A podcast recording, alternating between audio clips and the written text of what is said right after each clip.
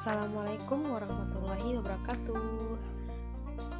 Alhamdulillah, uh, ini podcast pertama aku ya untuk bisa uh, sharing ke kalian. Nah, jadi mudah-mudahan bermanfaat bagi kalian semua.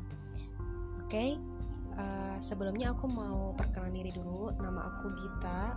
Sekarang aku ngajar di salah satu kampus di Kandangan KSS dan juga menjadi seorang aktivis muslimah. Oke, nah sekarang kita mau sharing apa ya?